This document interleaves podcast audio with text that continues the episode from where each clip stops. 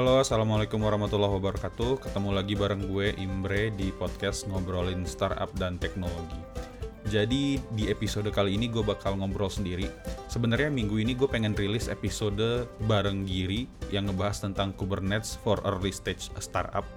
Tapi kemarin karena kita lagi rekaman terus gempa, jadinya rekamannya harus tertunda. Jadi gue bakal cari waktu lain untuk ngebahas topik tadi. Tapi uh, kali ini gue pengen ngebahas pengalaman gue sih lebih tentang gimana gue menjalani uh, komunitas, membangun komunitas, dan kemudian hingga akhirnya gue jadi Google Developer Expert atau GDE. Jadi gue bakal cerita dari awal perjalanannya kayak gimana. Oke, jadi langsung aja. Jadi uh, kalau ada yang penasaran gimana sih ceritanya, jadi semuanya itu bermula ketika gue jadi Docker Campus Ambassador waktu gue masih kuliah S2 di CMU. Jadi waktu itu ada pengumuman dari dokernya kalau doker lagi nyari kampus ambasador dan waktu itu gue apply kemudian gue interview dan kemudian terpilih hingga akhirnya waktu itu gue mulai bikin meet up di kampus.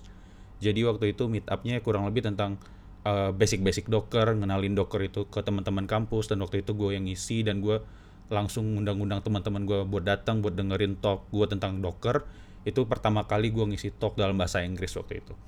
Dan kemudian pada akhirnya di akhir tahun 2017 Desember gue memutuskan untuk balik ke Indonesia. Oh ya jadi sebenarnya gue jadi Docker Campus Ambassador itu adalah di semester terakhir, jadi di fall 2017 dan di Desembernya gue decide untuk balik ke Indonesia, kemudian gue join Traveloka waktu itu. Nah ketika pulang ke Indonesia sebenarnya gue pengen berkontribusi juga nih di komunitas di Indonesia Terus gue bilang ke orang docker, eh kalau seandainya gue pengen kontribusi di Indonesia juga bisa nggak? Dan waktu itu docker meng mencoba menghubungkan gue dengan community leader yang ada di Indonesia waktu itu. Orangnya udah almarhum, tapi waktu itu gue belum tahu. Jadi waktu itu mereka bikinin email memperkenalkan gue ke docker community leader waktu itu, tapi emailnya nggak pernah dibalas. Hingga akhirnya ada yang bilang ke gue, eh itu orangnya sebenarnya udah meninggal dan akhirnya gue kasih tahu docker dan kemudian docker nanya gue kira-kira kalau lo aja yang jadi docker community leadernya gimana? Dan waktu itu uh, gue putuskan untuk oke okay, gue ambil. Nah jadi sebenarnya waktu di awal-awal itu susah banget karena uh, gue baru pulang dan kemudian orang mungkin nggak terlalu tahu siapa gue waktu itu. Jadi susah banget ketika tiba-tiba lo ngeklaim eh gue docker community leader lo yuk datang ke meetup docker pertama uh, di tahun 2018 itu gue pikir akan susah. Uh, walaupun sebenarnya emang susah tapi gue coba dan ternyata waktu itu ada juga nih yang datang. Jadi waktu itu meet up pertama itu uh, seingat gue Maret 2018 di, di Traveloka. Karena gue uh, pegawai Traveloka gue mencoba bisa nggak ya waktu itu meet up itu dibikin di Traveloka. Dan alhamdulillah waktu itu lead gue juga sangat support dan akhirnya dia membantu gue untuk uh, memperkenalkan gue ke orang HR, ke orang people ops dan segala macam sampai akhirnya waktu itu meetup itu bisa jalan di Traveloka. Jadi itu adalah meetup eksternal sebenarnya tapi disponsori uh, oleh Traveloka pada waktu itu. Dan ternyata banyak yang datang dan banyak yang uh, bilang wah ini menarik karena udah hidup lagi karena sempat lama vakum dan gak ada program sampai akhirnya jalan lagi dan waktu itu gue cukup senang karena gue bisa mencoba menghidupkan kembali komunitas yang mungkin bisa dibilang mati suri pada waktu itu kalau seandainya ada yang nanya kenapa sih gue pengen bikin beginian, jadi kalau boleh cerita, waktu gue kuliah itu di US, setiap malam itu di Bay Area atau Silicon Valley itu hampir ada meet up setiap malam. Jadi kadang gue kebingungan, saking banyaknya meet up, gue bingung malam ini gue mau ke mana. Dan gue juga sempat keteteran gimana ngatur waktu kuliah dengan waktu untuk datang-datang meet up. Nah, kemudian menurut gue hal-hal kayak gitu adalah hal yang baik banget dan bisa kita tiru dan bisa kita bawa ke Indonesia. Jadi di sana orang udah open banget. Google, Facebook, LinkedIn dan segala macam itu mereka rutin setiap minggu mungkin setiap sekali dua minggu bikin meet up topik tentang engineering, topik tentang product manager, project manager dan segala macam. Dan menurut gue culture openness itu penting banget dan bagus banget kalau kita tiru. Dan orang di sana juga nggak pelit dengan ilmu, mereka terbuka, permasalahan mereka mereka share kemudian orang juga ngasih pendapat. Jadi orang di sana nggak cuma sekedar uh, ngambil sesuatu dari speakernya. Jadi ketika dia menerima sesuatu informasi dari speakernya orang-orang yang datang itu juga mencoba untuk memberikan sesuatu memberikan feedback memberikan masukan dan mungkin memberikan solusi kalau seandainya orang-orang lain juga ada masalah. Dan menurut gue itu culture yang bagus banget. Dan itu kenapa sebenarnya ketika gue pulang gue pengen membawa culture-culture seperti itu juga di Indonesia. Kemudian setelah gue jadi Docker Community Leader, gue waktu itu in total sampai sekarang gue ngadain 8 meetup dan satu workshop. Jadi uh, gue udah nggak megang Docker Community Leader lagi sejak Mei kemarin. Nanti gue bakal cerita kenapa.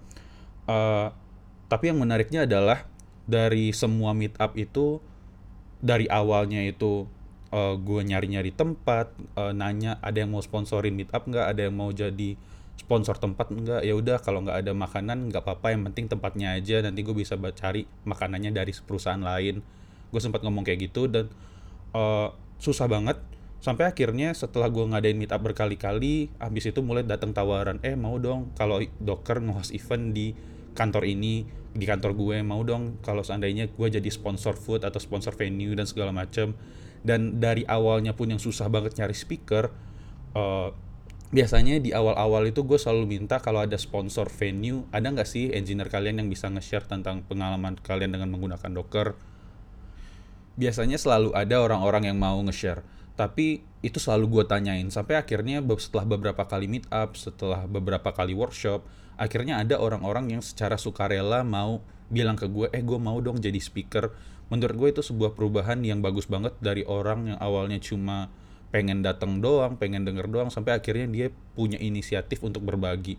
Dan setelah itu gue pikir, oh ya udah daripada gue selalu mencoba mencari speaker dari sponsor venue, kenapa sih gue nggak mencoba melempar lagi ke komunitas? Ada nggak sih dari kalian yang lagi belajar sesuatu dan pengen share apa yang kalian pelajari, lesson learn-nya apa, hasilnya kayak gimana? Dan menurut gue waktu itu itu sangat ampuh. Karena ketika gue mencoba melakukan itu ternyata banyak orang-orang yang bilang eh gue lagi belajar ini gue pengen share dong. Oh ya udah ini tempatnya. Jadi gue nggak peduli apakah lo mau share tentang sesuatu yang nggak terlalu related dengan Docker selama lo pengen nge-share gue kasih tempat. Ada juga yang pernah nanya apa sih manfaatnya buat lo capek-capek ngurusin meetup? Lo dapat apa sebenarnya gue nggak dapat apa-apa karena bahkan beberapa kali ketika ngurusin meetup gue pakai budget pribadi. Tapi menurut gue adalah uh, manfaatnya karena gue pada dasarnya juga udah suka share knowledge jadi kalau seandainya gue punya sesuatu gue ya udah gue share aja. Jadi ketika gue punya wadah di mana gue bisa melakukan itu ya gue seneng seneng aja. Dan menariknya adalah gue juga bisa bikin wadah untuk orang bisa dapat ilmu. Jadi bukan gue doang yang dapat sesuatu, tapi gue bisa bikin tempat buat orang-orang supaya mereka bisa dapat ilmu baru juga. Kemudian uh, mereka bisa dapat kenalan baru, gue pun juga dapat kenalan baru, gue dapat kenalan sponsor baru dan segala macam. Jadi banyak sih manfaatnya kalau ditanya. Mungkin bukan dari segi materi, tapi lebih ke pengalaman hidup, networking dan segala macam. Nah jadi sebenarnya di samping gua ngejalanin Docker Community di awal Januari tahun ini 2019 gue bareng beberapa orang teman gue Giri dan Iqbal waktu itu juga ingin memulai Kubernetes Meetup. Karena udah ada Docker dan kemudian ya udah kita sekalian bikin Kubernetes Meetup. Akhirnya kita bikin kita jalanin mencoba konsisten satu bulan satu kali kemudian masih berjalan Januari Februari Maret dan cukup konsisten bahkan sampai sekarang dan kemudian gue juga mencoba untuk membuat sebuah meetup baru yang namanya uh, Microservice Jakarta pada waktu itu. Tapi sekarang gue ganti jadi Cloud Native User Group. Kenapa sih Microservice Jakarta? Karena pada waktu itu gue pengen punya tempat di mana gue bisa bahas uh, topik-topik spesifik tentang microservice. Karena microservice sekarang lagi hype banget.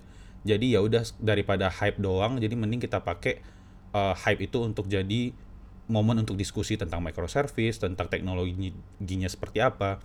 Sampai akhirnya uh, gue dan Giri melihat bahwa kayaknya kalau kita bikin microservice ini terlalu luas. Jadi akhirnya ya udah kita coba batasin microservice dengan menggunakan teknologi-teknologi cloud native uh, seperti Jaeger, Prometheus, gRPC, Kubernetes dan segala macam. Sampai akhirnya kita coba spesifik uh, ke arah sana. Sebenarnya alasan lainnya juga karena karena uh, eh, CNCF teknologi itu udah ada foundationnya jadi mungkin ketika kita bikin meetup yang related dengan hal itu kita juga bisa dapat support support dalam bentuk uh, bayarin meetup page. Karena sebenarnya kalau kalian tahu meetup.com itu sebenarnya dibayar per bulan. Itu sistemnya subscription. Jadi daripada kita selama ini pakai budget pribadi ya udah kita jalanin meetupnya aja kita cari orangnya. Tapi untuk hal-hal kayak gitu kita bisa dapat bantuan dari CNCF atau atau sponsor-sponsor yang lain. Tapi uh, gue nggak pengen cuma share tentang cerita bagusnya doang. Tapi ketika gue mencoba bikin komunitas microservice Jakarta pada waktu itu ada sentimen mungkin yang menurut gue nggak enak banget. Tiba-tiba ada orang yang bilang, eh ini komunitas apa nih? Ini grup apa lagi? Ini grup buat hiring-hiring ya? Grup buat bajak-bajakan ya? Pada saat itu sebenarnya gue enak banget dengan orang yang ngomong kayak gitu bahkan sebenarnya menurut gue nggak pantas banget dia ngomong kayak gitu ketika orang pengen bikin komunitas untuk sharing knowledge untuk berbagi ilmu atau untuk jadi tempat diskusi malah dibumbui dengan hal-hal kayak gitu. Maksudnya kalau lo mau hiring ya udah lo pakai recruiter aja nggak usah cari-cari ke komunitas. Walaupun sebenarnya gue nggak menampik bahwa sebenarnya komunitas ini adalah tempat untuk mencari peluang-peluang baru. Itu nggak buat uh, mungkin nggak mungkin benar juga tapi nggak usah lo bilang kayak gitu juga karena sebenarnya tujuan utama dari bikin komunitas itu adalah untuk menghimpun orang biar bisa sharing knowledge. Jadi kalau ada ada komen-komen kayak gitu sebenarnya gue nggak suka banget. But that's okay. Uh, kita nggak perlu terganggu banget dengan orang-orang yang nggak penting kayak gitu. Uh, ya. Yeah. Nah, terus uh, gimana sih ceritanya bisa sampai jadi GDE atau Google Developer Expert? Sebenarnya gue udah tahu GDE itu cukup lama salah satu orang yang menginspirasi gue adalah namanya Mas Sidik Permana. Dia juga GD Android yang udah lama banget. Jadi waktu itu pertama kali waktu gue masih uh, pertama kali gue ketemu waktu itu mas gue masih di US kuliah dan waktu itu kalau nggak salah Google I.O. tahun 2017. Jadi gue udah lama ngeliatin Mas Sidik uh, sharing tentang Android dan waktu itu karena dia sempat ngepost status di Facebook gue mau ke Mountain View. Oh ya udah waktu itu gue coba uh, iseng-iseng message di Facebook dan ternyata dibalas dan waktu itu gue ketemu sama dia jadi uh, jadi waktu itu beliau cerita bahwa salah satu benefit of being GDE adalah ketika lu diundang oleh komunitas uh, di luar kota kayak Bandung, mungkin Semarang, Surabaya, Medan dan segala macam. As a GDE lu bakal dapat privilege untuk dibiayai transportasi, flight dan hotel. Dan menurut gua karena sekarang gue mikir waktu itu gue mikir ketika gue jadi docker community leader gue cuma bisa nge-reach orang-orang yang ada di Jakarta jadi ketika gue share mungkin gue cuma akan menjangkau orang-orang di Jakarta yang notabene orang-orang yang udah melek teknologi juga tapi di sisi lain gue juga pengen mencoba share ke luar kota kayak Semarang, Surabaya, mungkin Kalimantan, Sumatera dan segala macam. Tapi permasalahannya adalah gue harus merogoh kocek pribadi untuk melakukan itu. Sebenarnya lumayan sih kalau seandainya lu ngelakuin itu mentoring sekali sebulan kan lumayan juga. Tapi kalau seandainya ada yang bisa ngasih support menurut gue kenapa enggak? Lu dapat support untuk flight dapat hotel tapi ketika yang lo harus pikirkan itu cuma nyiapin materi kemudian fokus ke materi kemudian nyiapin tenaga untuk pergi ya udah. Menurut gue itu sebuah hal yang uh, mendukung gue banget jadi waktu itu gue ngerasa oh gue harus jadi GDI juga nih supaya gue bisa menjangkau orang-orang di luar sana mungkin yang belum tahu teknologi seperti orang-orang yang ada di Jakarta. Nah tapi masalahnya untuk jadi GDI lo nggak bisa cukup bermodalkan uh, hard skill doang dalam artian kemampuan atau pemahaman terhadap teknologi tertentu. Sebelum jadi GDI lo juga udah harus punya portofolio komunitas portofolio itu bisa dalam bentuk uh, event-event ketika lu jadi speaker di berbagai event komunitas atau ketika lu ngeblog atau ketika lu bikin video, podcast dan segala macam yang membahas teknologi itu akan jadi portofolio lu untuk apply GDE. Nah, terus uh, lanjut cerita sebelum gue bahas syarat-syarat. Jadi waktu itu ketika tahun lalu 2018 gue juga sempat jadi salah satu speaker di GDG Devest Jakarta dan waktu itu gue ketemu salah satu Google Developer Relation. Waktu itu gue beraniin aja nanya mbak kalau seandainya mau jadi GDE syaratnya seperti apa? Oh ya udah kalau nanti tertarik nanti bisa aku share. Dan kemudian uh, aku uh, gue waktu itu cerita bahwa gue sebenarnya belum siap karena gue merasa secara teknikal gue masih banyak yang harus gue pelajari. Jadi beri gue sedikit waktu untuk persiapan dan kemudian ternyata beberapa hari setelah itu gue dapat email. Emailnya kurang lebih uh, ngasih tahu kalau seandainya gue tertarik untuk jadi GDE let's have a hangout call and then they will explain about what GDE is what the requirements are and everything related to it. Jadi waktu itu gue uh, sempat teleponan sama orang Google dan ngebahas tentang syarat-syaratnya apa aja. Dan kemudian setelah itu ternyata mereka memberikan form, form yang harus gue isi tentang kontribusi gue ke komunitas selama ini kayak gimana. Gue udah pernah ngisi berapa meetup, gue udah bikin meetup apa aja, gue udah uh, ngisi di mana aja, konferensi apa aja, nulis blog, uh, yang baca berapa orang, yang nonton video gue berapa orang, kemudian yang datang ke sesi meetup gue ada berapa orang dan semuanya itu dihitung dan itu jadi salah satu syarat uh, untuk uh, jadi GDE.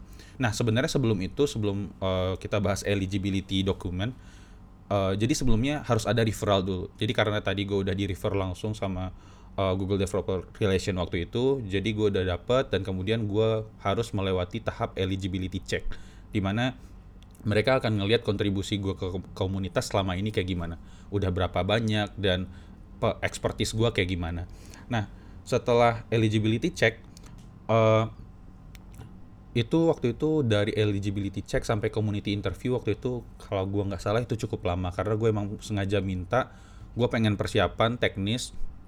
Jadi sebelum community interview gue pengen bahas dulu tentang teknisnya kayak gimana dan segala macam. Sampai akhirnya kurang lebih beberapa minggu tiga minggu empat minggu kalau gue nggak salah sampai akhirnya gue punya uh, community interview dengan GDE yang lain jadi waktu itu gue diassign dengan salah satu GDE dari Australia gue punya uh, gue ngelakuin hangout call sama dia uh, dan biasanya kalau community interview itu lo akan ditanya tentang pengalaman uh, lu di komunitas seperti apa kontribusi lo seperti apa tapi waktu itu karena si interviewer gue itu udah ngeliat oh kontribusi gue udah cukup banyak jadi dia nggak langsung nanyain tentang community.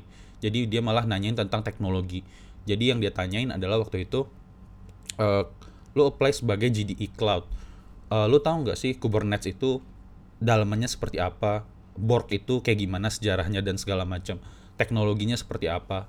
Lo apply sebagai GDE Cloud Data. Lo tahu nggak BigQuery itu dalamannya seperti apa? Uh, sistem yang dipakai itu namanya sebelumnya apa Dremel Dremel itu cara kerjanya kayak gimana pakai tree execution apa dan segala macam itu ditanyain konsep-konsep kayak gitu. Sampai akhirnya waktu saat itu gue sebenarnya juga nggak expect ketika community interview gue ditanyain hal-hal kayak gitu. Padahal gue mikirnya oh community interview paling ditanya doang tentang gimana kontribusi lu terhadap komunitas dan segala macam. Tapi ternyata waktu itu gue ditanya dalam banget. Sampai dia nanya lu tau komposer nggak? Menurut lu komposer itu kayak gimana? Harusnya apakah komposer itu seperti itu? Dan kemudian kenapa sih arsitektur cloud composer itu dibikin seperti itu ada app engine-nya, ada Kubernetes-nya, ada SQL-nya, dan semuanya berada di tempat-tempat yang terpisah. Menurut lo, ini desain yang bagus nggak sih? Jadi sebenarnya being GDE doesn't make us give positive rating to Google every time. Jadi kalau kita punya feedback yang bisa nge-improve produk-produk Google, sebenarnya kita bisa langsung bilang ke orang Google. Jadi ketika kita jadi GDE, kita punya channel langsung ke orang Google. Jadi kalau seandainya lu pengen nanya sesuatu, lu bisa langsung nanya uh, ke orang Google-nya dan ketika lu mereka rilis sebuah produk mereka juga bisa minta pendapat kita dan kita bisa ngasih feedback ke mereka.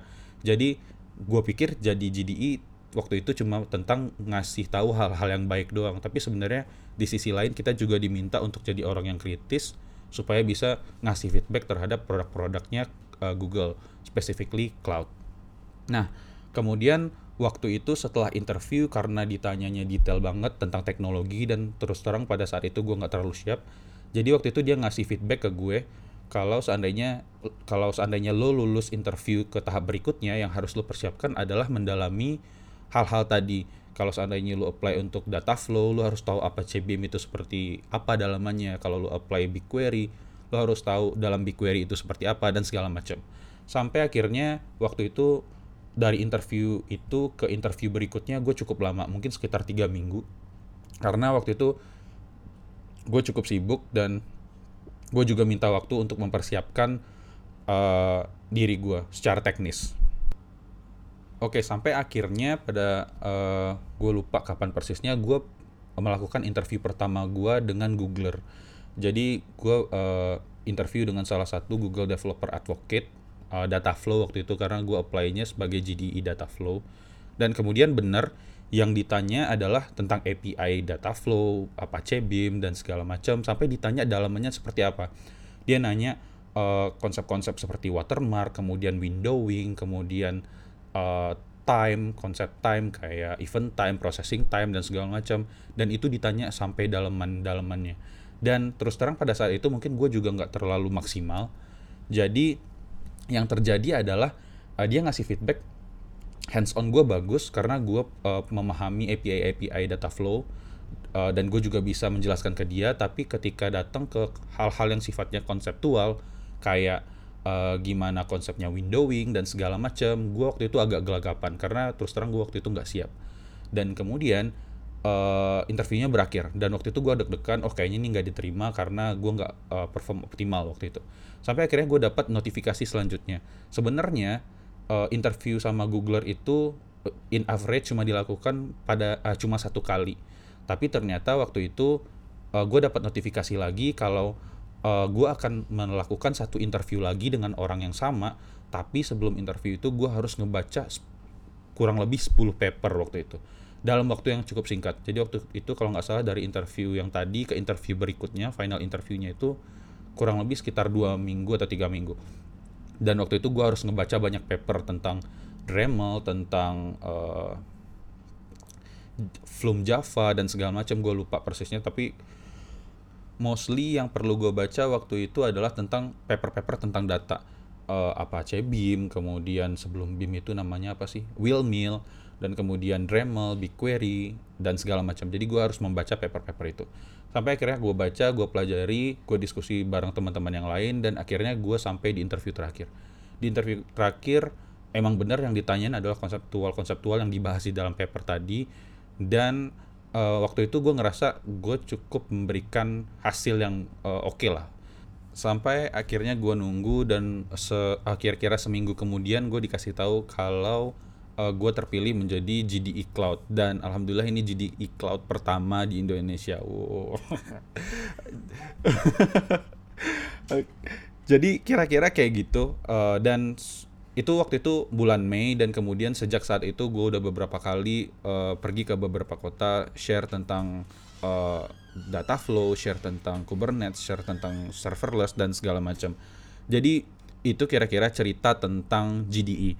Uh, masih akan banyak lagi event mudah-mudahan uh, yang mudah-mudahan gue bisa bikin terus bikin konten yang bisa gue share di berbagai daerah Jakarta dan segala macam dan itu aja sih uh, tadi sebelum gue bikin episode ini gue sempat bi bikin post di Twitter nanya tentang uh, ada yang mau ditanyain gak sih tentang perjalanan gue di komunitas dan being GDE jadi ada pertanyaan pertama dari Kavin Salim. Dari Salim Kavin at Salim Kavin. Dulu pertama awalnya mau ngurus komunitas gerak sendirian dulu baru banyak teman yang gabung atau banyak teman yang interest dari awal lalu milih ngurus komunitas. Uh, waktu itu yang gue lakukan adalah gue gerak sendirian dulu. Gue nggak punya tim waktu itu jadi gue beraniin diri aja ya udah gue coba bikin komunitas dan kemudian uh, gue jalanin gue handle sendiri dan kemudian ada orang yang mulai uh, datang bantu. Eh ya udah lu gue bantuin. Yuk uh, lo butuh apa gue bantuin. Dan waktu itu itu spontan aja. Karena bahkan ketika gue nggak bilang gue butuh bantuan tiba-tiba banyak orang yang uh, menawarkan bantuan pada waktu itu untuk bikin event dan segala macam. Dan menurut gue itu menarik banget. Pertanyaan berikutnya uh, dari Ed Audrians. Asik. Ini teman gue juga kiat-kiat untuk semangat kontribusi ke komunitas dong kak jadi kalau kiat-kiat gue juga bingung kalau seandainya lu pengen berkontribusi ke komunitas uh, jangan berharap lu akan dapat sesuatu. Kalau menurut gue itu aja sih. Jangan berharap lu akan dapat uh, balasan materi atau segala macam. Tapi ketika lo ingin berkontribusi ke komunitas ya udah lu kontribusi aja secara ikhlas. Lu sharing tentang ilmu lu, lu berbagi ilmu lu, lu diskusi dengan orang. Tapi lu nggak perlu berharap tentang uh, lu akan dapat apa. Ketika lu bertanya lu akan dapat apa, jadinya lu nggak akan dapat apa-apa. Tapi ketika lu ya udah lu berbagi aja, nanti akan banyak da sesuatu datang terhadap lu. Apakah itu teman baru, kemudian peluang-peluang baru dan segala macam. Menurut gue itu sih karena beberapa kali gue uh, ketemu orang ketika gue tanya eh lo mau kontribusi nggak ke komunitas? Terus gue dapat apa? Ya kalau seandainya uang gue juga nggak bisa ngasih lo uang karena ini gue juga nggak dibayar. Jadi ya udah kalau seandainya lo pengen kontribusi ke komunitas lakukan secara ikhlas uh, tanpa mengharap pemberi dalam bentuk materi atau apa pun itu bentuknya. Oke pertanyaan berikutnya uh, dari Win Suset Erwin. Uh, Kak Imbre komunitas tech gini tuh bisa nggak ya direplikasi ke bidang lain? Agak ngiri karena susah nemuin komunitas-komunitas kayak gini di luar tech sebenarnya bisa banget uh, kalau seandainya nggak ada mungkin yang bisa lo lakukan adalah memulainya. Karena sebenarnya uh, yang gue amati adalah selama ini orang cuma nunggu tanpa take action. Jadi kalau seandainya lo ngelihat oh gue punya interest di bidang ini ya udah lo bikin aja dulu komunitasnya terus lo publish lo publikasikan uh, lo kasih tahu ke mana-mana nanti ketika ada orang yang tertarik orang akan mm, join sendiri. Orang akan datang dan orang akan mulai membantu lo ikutan diskusi dan segala macam. Jadi jawabannya mungkin banget tergantung apa ada yang mau mulai atau enggak kemudian pertanyaan dari Widi at Giri Kuncoro uh, gimana bagi waktu antara kerjaan versus ekskul dalam kurung komunitas GDE dan lain-lain versus keluarga. Sebenarnya gimana ya? Susah pertanyaan gimana bagi waktu. Biasanya kalau kerjaan yang jelas siang gue kerja, terus kalau seandainya malam gue ngurus komunitas, ya udah kan nggak tiap hari, paling Kamis kali sebulan gue alokasiin Kamis itu untuk ngurus komunitas. Terus kalau seandainya ada GDE, biasanya gue lakukan di weekend. Uh, misalnya weekend ini gue keluar kota weekend depan gue nggak keluar kota supaya gue punya waktu sama keluarga sama istri gue dan untungnya istri gue juga sangat suportif jadi gue nggak pernah merasa terbebani ketika melakukan GDE ketika melakukan sharing keluar kota atau ketika melakukan kegiatan komunitas. Karena ya udah dikasih waktu ya udah lu kerjain aja terus uh, asalkan pulang ya udah aman jadi nggak ada masalah Ketawa kamu kedengeran loh. Jadi uh, itu sih. Oke, pertanyaan terakhir dari Ardi Dewanto. Benefit menjadi GDE untuk karir software engineer apa sih Mas Imre? Apakah startup atau corporate banyak yang menggunakan GCP pada ekosistem tech mereka? Benefit menjadi GDE untuk karir software engineer kalau menurut gue sih lebih kayak uh, gimana ya kita jadi punya banyak networking, bisa kenal sama orang-orang dari berbagai uh, background, kayak ada background CS, ada background software engineer dan segala macam. Dan keuntungannya adalah karena kita sebagai GDE dimintain feedback untuk produk-produk Google, jadi kita juga tahu nih roadmapnya seperti apa, kira-kira perkembangan teknologi nanti ke depan seperti apa. Jadi banyaklah uh, pengetahuan yang kita dapat selama menjadi GDE. Dan kemudian apakah startup korpor atau corporate banyak yang menggunakan GCP? Jawabannya banyak. Jadi biasanya kalau startup ketika masih kecil instead of mereka invest di infrastruktur, mereka biasanya akan menggunakan cloud. Dan pilihan cloud itu ada banyak uh, kayak AWS, GCP, Azure dan segala macam. Dan banyak juga sekarang corporate-corporate besar di luar sana yang udah pakai GCP dan ada juga sekarang corporate di Indonesia yang juga udah mulai pakai GCP dan segala macam jadi jawabannya banyak banget uh, use case-nya berbeda-beda tapi sebenarnya teknologi-teknologi yang dipakai ya kayak Kubernetes, GKE, kemudian BigQuery dan segala macam itu udah banyak banget yang pakai uh, either di Indonesia atau di luar Indonesia. Terus kayaknya udah nggak ada pertanyaan lagi. Dari gue itu aja itu yang bisa gue share. Semoga bermanfaat. Kalau seandainya ada komentar, ada pendapat atau ada masukan tentang uh, episode kali ini silahkan kasih tahu gue di Twitter atau silahkan email gue di imbre.nagi2812 at gmail.com jadi itu aja. Terima kasih buat yang udah dengerin. Semoga bermanfaat semoga episode kali ini bisa jadi motivasi kalian untuk berkontribusi di komunitas teknologi atau komunitas lain-lainnya. Dan uh, ya semoga bermanfaat. Itu aja kalau seandainya ada punya pertanyaan seperti biasa silahkan mention gue di @imrenagi. Kalau seandainya ada punya uh, ide mau bahas apa atau mau speakernya siapa kasih tahu gue nanti gue akan coba pikirkan itu aja. Terima kasih. Wabillahi taufiq wal hidayah. Assalamualaikum warahmatullahi wabarakatuh